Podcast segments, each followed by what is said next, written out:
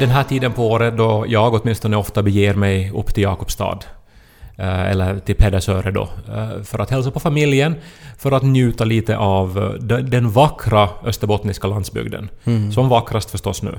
Så är det. Och uh, hälsa på människor, ofta just på Jakobsdagar för då är det så många som annars inte bor kvar i Jakobstad som återvänder precis som jag och så träffas man och pratar och, Det är som när flyttfåglarna kommer tillbaks och så samlas de på en åk här. och dockar en helg och sen flyger de igen till Afrika. Ja. Ja, exakt så är det. ja. Och eh, nu, nu då eh, så tänkte jag vara lite längre. Ska hälsa på eh, mina föräldrar då. Båda två pensionärer, vilket är nytt och jättekonstigt. Mm. Min mamma skyr ju förändring. Mm. Det tar ju länge, vet du, vissa saker. Speciellt stora beslut. Uh, sådana beslut som... Nå som man kanske vet du har anat länge då att någonting, någonting måste ske. Det måste ske en förändring. Men mamma eh, är väldigt... Hon, hon håller det för sig själv och sen så funderar hon och sen så till sist då så finns det ingen utväg längre. Okej. Och nu då så var det min pappa som ringde. Och det händer väldigt sällan. Det är oftast mamma som ringer när det är några nyheter norrifrån. Men nu då så var det pappa. Så jag förstod ju att någonting är annorlunda. Vet du, någonting har hänt. Mm. Och eh, han sa ju nu då att, att mamma har, har fattat ett, ett stort beslut. Hon hade då kommit då till pappa för några dagar sedan och uh, brustit i gråt. Oj. Ja, eh, och eh, pappa hade blivit förstås orolig och försökt få ur henne vad det var, men hon var helt otröstlig och bara grät. Och eh, pappa började ju min misstänka då att det måste ju vara någonting nu då. Uh, Nå, vet du, med relationen så här. Det är ju klassiskt vet du, när man är mycket hemma tillsammans och barnen hör inte av sig så mycket som de har gjort så måste man Mm. fundera på relationen och så. Ja, nå, livet och så vidare. Mm. Men det var inte det då. Utan mamma till sist då samlade sig och fick ur sig då att, att hon har nu då bestämt att, att nu ska vi inte ha potatisland något mer. Så för första gången nu då på eh, alltså 55 år, jag vet inte hur länge mamma då har odlat potatis. Mm. Eh, men alltså en passionerad potatisälskare och odlare. Så nu, nu har vi inte längre något potatisland det här året. Det är ju som, som att hon eh, avsäger sig en, en stor del av, av henne, liksom på något sätt hennes personlighet och hennes liv. Och en så tydlig uppgift. Det illustrerar ju alltså inställningen till potatis, det illustrerar min mamma som person och det är ju alltså på, riktigt, alltså hennes hennes, eh, jag vet inte, hennes själ på något sätt. Det här.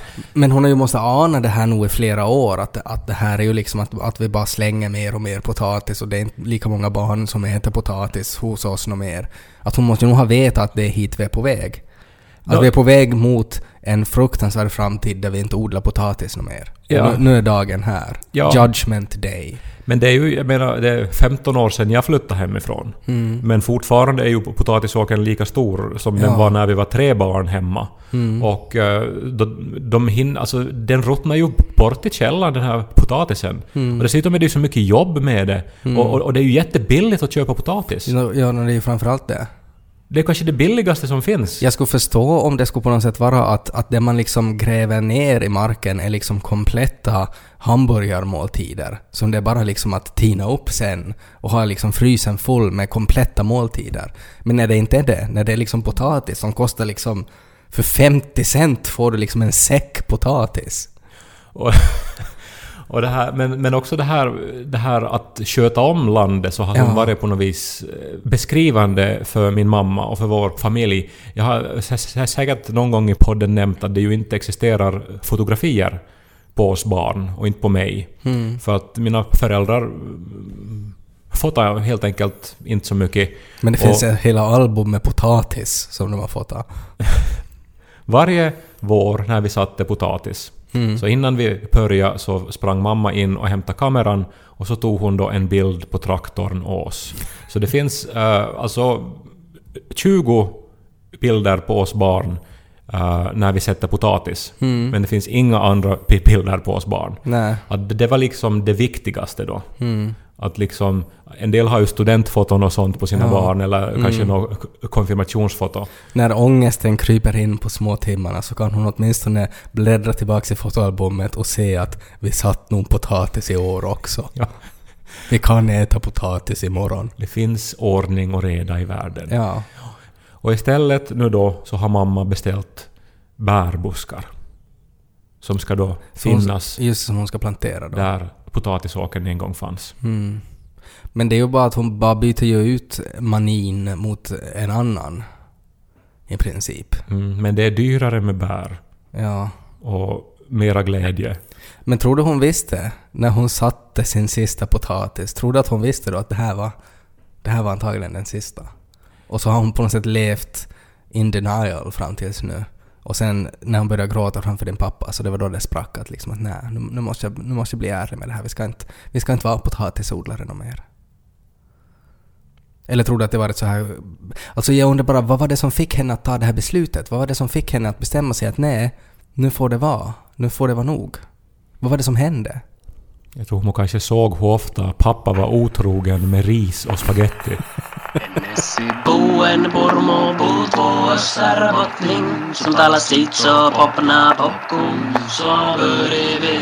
Popnu denna popcorn. Så börjar vi. Lys på Ted och Kai Minns du förra avsnittet när jag upplevde att jag hade skruvar som fattades i mitt liv? Ja, vem kan glömma denna knarkromantiska Nej, utläggning det var som det. följde? Men nu har jag, jag, jag, liksom, jag tar små detaljer nu och försöker på något sätt få struktur, strukturen tillbaks. Och en sak nu som jag är inne på är, du vet den här Diplodocus-emojin? Alltså den här blåa långhalsade dinosaurien. Mm, ja, det, Ja, det kanske ja, inte... helt rätt reaktion. Få människor känner till den. Men jag försöker lansera den just nu. Jag försöker göra den liksom till min. Att jag sätter in den i, i liksom i konversationer som jag har med folk på jobbet och, och sådär i allmänhet. Så bara, där man kanske sätter en glad smile så sätter jag också in den där långa blå, blåa dinosaurien. Okej. Och tänker på något sätt att det liksom... Att det kanske kan på något sätt bli en, en, en grej. Problemet är ju bara att det blir ju svårt att bevisa sen om du någon gång då stöter på användningen av den här i en, eh, nå, av någon kändis i något så här stort off- offentligt sammanhang. Så är det ju svårt att be- bevisa att det har startat från din användning. Nej, men på något sätt sådär att, att det, jag, jag sätter in den liksom att det finns ingen sån här klar motivering varför jag sätter in den. Det är nog bara för att, för det var Ted som skickade det där meddelandet. Så därför satte jag in den dit. Mm, men är inte det här då lite gubbvarning? Vet du att de eh, tänker då att ja, nå, det här var ju obegripligt men han är ju 35. Fan. Ja, för det var ju det där vi var rädd för. Att, Ja. jag skulle bara, att det är bara konstigt. Nå, för, det, Tycker det är du nog, det? app- Ja, alltså det är nog yngre människor än vi som Nej, men måste det- starta sådana Jo, här men trender. för det är inte sådär... Alltså för yngre människor sätter ju sådär en massa. Liksom det är ju fem gråtskratt-smileys efter ett OK. Ja. Men jag gör ju inte sådär, utan att det är liksom bara en, en helt så här vanlig glad gubbe, blå dinosaurie, vi ses imorgon. Vi Ja. ses, glad gubbe, blå dinosaurie. Eller vi ses, blå dinosaurie. Min pappa hittade ju den här smileyn eh, med hjärtan istället för ögon. Mm. Och det är ju den enda han använder. Ja. Alltså, får jag en liksom meddelar att jag Mm. liksom lägger vet du, en bild på min uppsvällda vrist för att pappa då har jobbat inom vården. Mm. Och så är jag som att eh, ser det här illa ut, jag måste få visa upp det till någon. Mm. Och så eh, det här kommer det liksom 15 några dagar smiley med hjärtan istället för ögon. Det är roligt att du använder din pappa som sex och sånt ungefär. När det handlar om, om fysik. eh, Det är ju såna här saker som kännetecknar att man lite har eh, vet du, missat tåget när det Ja, handlar men då om... jag, det är ju inte att jag är omedveten om det. Jag vet ju att det, att den det är omotiverat att jag sätter en blå dinosaurie. Jag bara försöker göra det liksom till min grej. Men vad, vad uttrycker den då? Alltså Nej, det, och det, det är sådär, det är som konst. Alltså du fyller i det där som på något sätt är sådär det osagda, tänker jag. Och därför tycker jag att den är så bra att det är en blå lång dinosaurie, för den är så lång. Men ge ett exempel på ett meddelande som du avslutar med en diplodocus då. Nå, att det kan vara allt bra. Blå dinosaurie. Skickar jag till Janika, undrar om allt är bra med Lo. Just nu till exempel har han somnat och sådär. Allt bra? Dinosaurier? Jag tänker ju då på vet du, utrotning och så här. Alltså att du liksom misstänker det värsta. Nej men då skulle det ju vara en dinosaurie och en komet eller något då, eller en vulkan. Det är ju, så ska man ju inte tänka. Ja, men som, vet du, för att nu försöker man ju ändå läsa in Nej men då någonting. kan du tänka för att en emoji är gul så kan man tänka att jaha, gula febern. De har ju faktiskt väldigt gul hy. Ja men alltså. man får ju välja hudfärg på dem om man håller in knappen. Ja, men som här, li, liksom hittills har ju defaulten varit gula febern. Mm. Det intressanta är att, att du är ju en av dem som jag ännu smsar med. Och Mm. Annars har man ju gått över då till, till andra former av kommunikation, eller så hörs man inte alls äh, av sig. Mm. Det är den här åldern. Men du äh, messar ju mig Mm. ännu. Men du har aldrig använt den här till, till mig, så det måste ju innebära att du på något vis har något sorts dåligt självförtroende med Nej, den. nej, utan att med dig så behöver jag inte, upplever jag, liksom sätta in artighetsemojin. Att med dig så är Så, det så, liksom... den, så det är alltså en artighets-emoji nu då? Jo, förstås, men alla emojin är ju artighets. Så är det ju. Nej men du sa ju att du ville väcka någon sorts eh, så här spännande känslor. Ja men det kan ju vara både och det. Alltså artighet och så sätter man in en blå dinosaurie också dit. Det kan ju vara artighet, eller den kan vara någon annan känsla.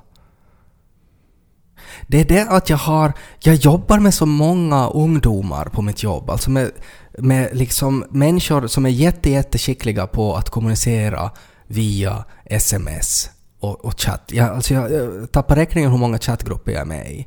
Men minns du den här historieläraren eh, i högstadiet som nog var yngre än de flesta andra lärare men som då försökte med gelé göra såna här frisyrer då som, som var populärt på den Ja, tiden? men jag är inte han. Du är ju den läraren nej, just nu. Nej. Det att man har någon sorts överdriven frisyr är ju inte samma sak som att man sätter in en blå dinosaurie.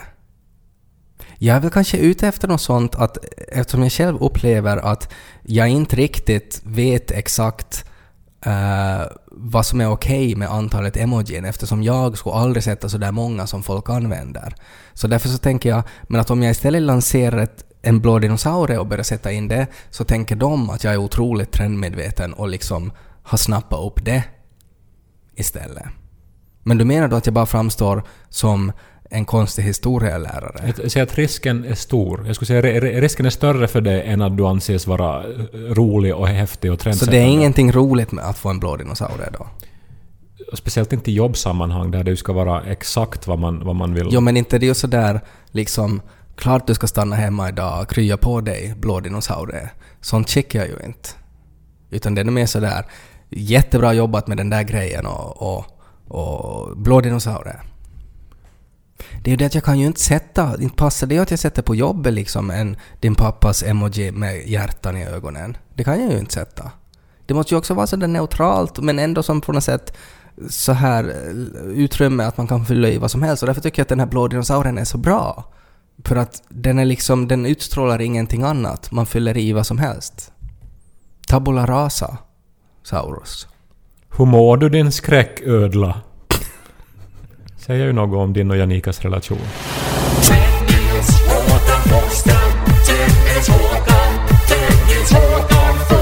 Något av det bästa med sommaren är ju sommarnyheterna. eh, som ju sällan är liksom lika angelägna eller lika uh, vet du, djuplodande, analyserande. Vilken glass är godast? Ja, ofta är det just sånt. Eller så handlar det någonting om, om förstås om vädret.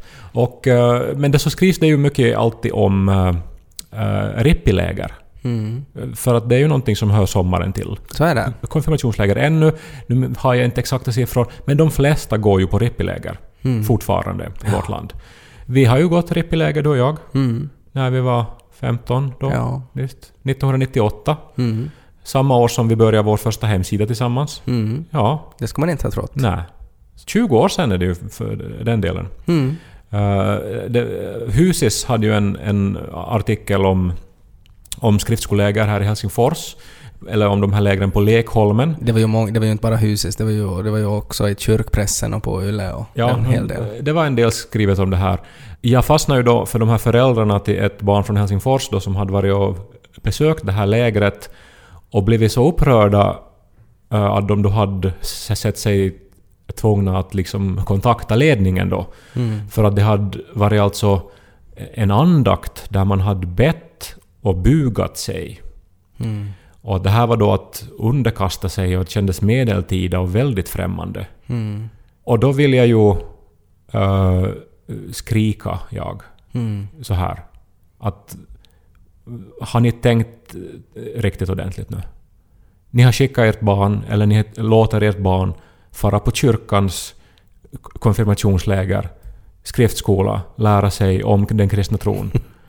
Och Så så, tycker man att, alltså ber ni, alltså Ja. bugar ni er, alltså pratar ni om Gud? Det känns lite medeltida blå dinosaurier. Bra användning. Ja. Eh, tydligaste exemplet hittills. Eh, men det här... eh, ja, alltså... Det är ju bra att tiderna har ändrat, men Mm. jag, jag tänker bara på vår tripp i läger. eh, där det ju ramlades i högar och Men det- folk grät och, Ja. och det var, det var såna här andakter där det ropades och Det skreks. var ju som den där scenen i Game of Thrones där Cersei går naken genom stan och så skriker de “Shame! Shame!” och kastar tomater på henne. Det var ju vårt trippelläger. Det var ju också typ, tror jag, ett eller två år efter vår tripp i läger så avbröts SF-församlings skriftskoläger på Pörkenäs För att Gud kom dit. för att, eh, för att konfirmanderna blev så rädda när det var Mm. just såna här karismatiska uttryck och, och Mm. tungotal och sånt. Mm. Och eh, liksom det här var ju ändå, okej, det där då när det avbröts så då hade, insåg väl alla ansvariga att nu hade det kanske överträtts någon sorts gräns. Mm. Men eh, liksom andlighet i sig är ju eh, precis sån där. Ja. Och det är ju det som man lär ut under de här lägren. Mm. Sen är det ju på något sätt också när man tänker barn i den där åldern, alltså 15-åringar, så det är ju också en sån Alltså, eh, det är ju en sån otrolig kåthet i luften också. Och när den kombineras med andlighet så blir det ju bara fel på något sätt. För alla är ju liksom... Man ska vara där i skogen någonstans och sova över. Och där är liksom både flickor och pojkar och alltihopa och vem vet vad som händer och oj oj oj oj.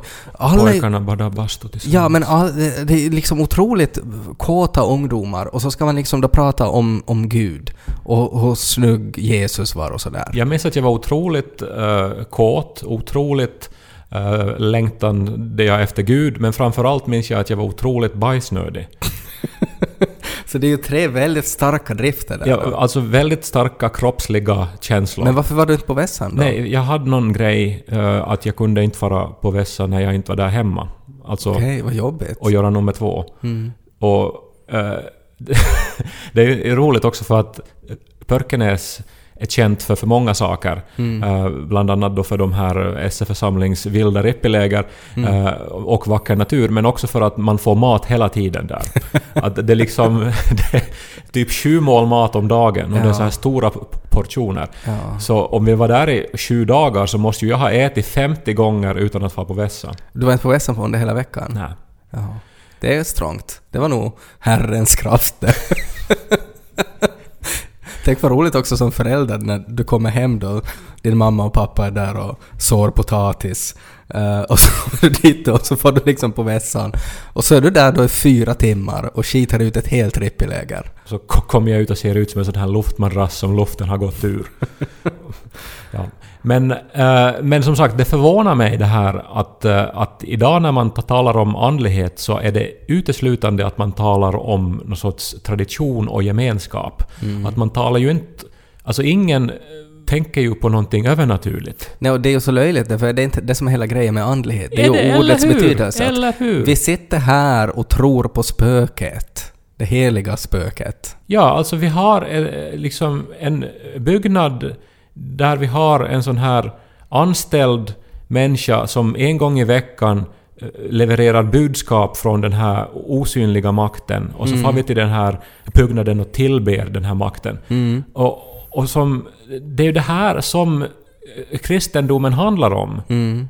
Alltså mirakel, skapelse på, på sju dagar och liksom uppståndelse från de döda. Men det är väl nog, och kanske framförallt här i Helsingfors så är det väl nog sådär att att eh, kristendomen och kyrkan i allmänhet är väl lite mer att så här chill, att det är mer sådär ett ställe dit man far med sin longboard och high-fivar med ungdomsledaren och äter en glass och så är man lite sådär skönt kristen. Ja men det är ju, det är ju imbecilt att tänka så, för det är ju allt annat. Men om man specifikt far till det här andliga sammanhanget så, så, så måste det ju vara att man har ett intresse för det andliga och inte för vardagen. Alltså jag, jag, jag, jag, jag blir liksom galen på det här. Ja, Den här världsfrånvändheten. ja, nej jag håller helt med. Jag tycker att det borde, de borde vara mera all in, alltså att på rippeläget så skulle det faktiskt vara lite mer sådär Game of Thrones, att du kommer dit och så ska du ha på dig den där alban hela jävla veckan. Eh, och, och du ska inte få god mat, du ska få liksom det munkarna åt på medeltiden. Och, och, och lite sådär svält, lite tortyr tills du faktiskt börjar se änglar. Och då kanske du hittar en tro och så kan du komma därifrån. Det är intressant hur det liksom var förr. Att man då var i skolan och där var det liksom hård disciplin och liksom man, man skulle tuktas om, och man fick eh, liksom stryk om inte man uppförde sig. Och sen var det några år lite uppehåll och sen kom Rippi och då var det liksom hård tukt och man, man, man liksom slog in andligheten i barnen och skrämde med helvetet. Ja. Och sen var det några år och så var man i armén och så skulle man slå igen de här barnen liksom. Och så var man vuxen och Sen skulle var vara vuxen. balanserad. Och då fick man egna barn som man skulle sen börja slå och tukta. Kai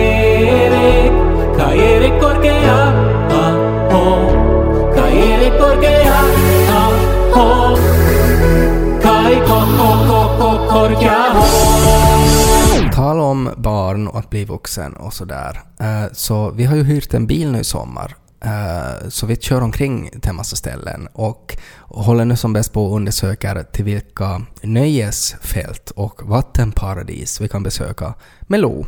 Och det är ju svårt för att det finns ju väldigt många olika och man vill ju på något sätt ha den här, det här bästa och man vill inte ha liksom de här berg och dalbanorna som går sönder eller de här alkoholiserade badvakterna eller sånt där annat skojigt som man kan Men det görs väl inte så många nya heller? Att det är väl ungefär de här samma som fanns när vi var barn också? Så är det, och jag hoppas ju att de har blivit bättre. De skulle ju göra Jurasepark i Ja. Vanda, men det fick ju sen inte tillstånd. Nej, så är det. Det är ju svårt att göra nya parker alltså. Det, det är svårt att göra nya parker, men sen läste jag alltså att det finns en, eh, en park som heter, jag tror det var någon sån här Kidsania eller någonting. Och där är hela upplägget, alltså hela parken är ett upplägg att barnen ska få eh, jobba.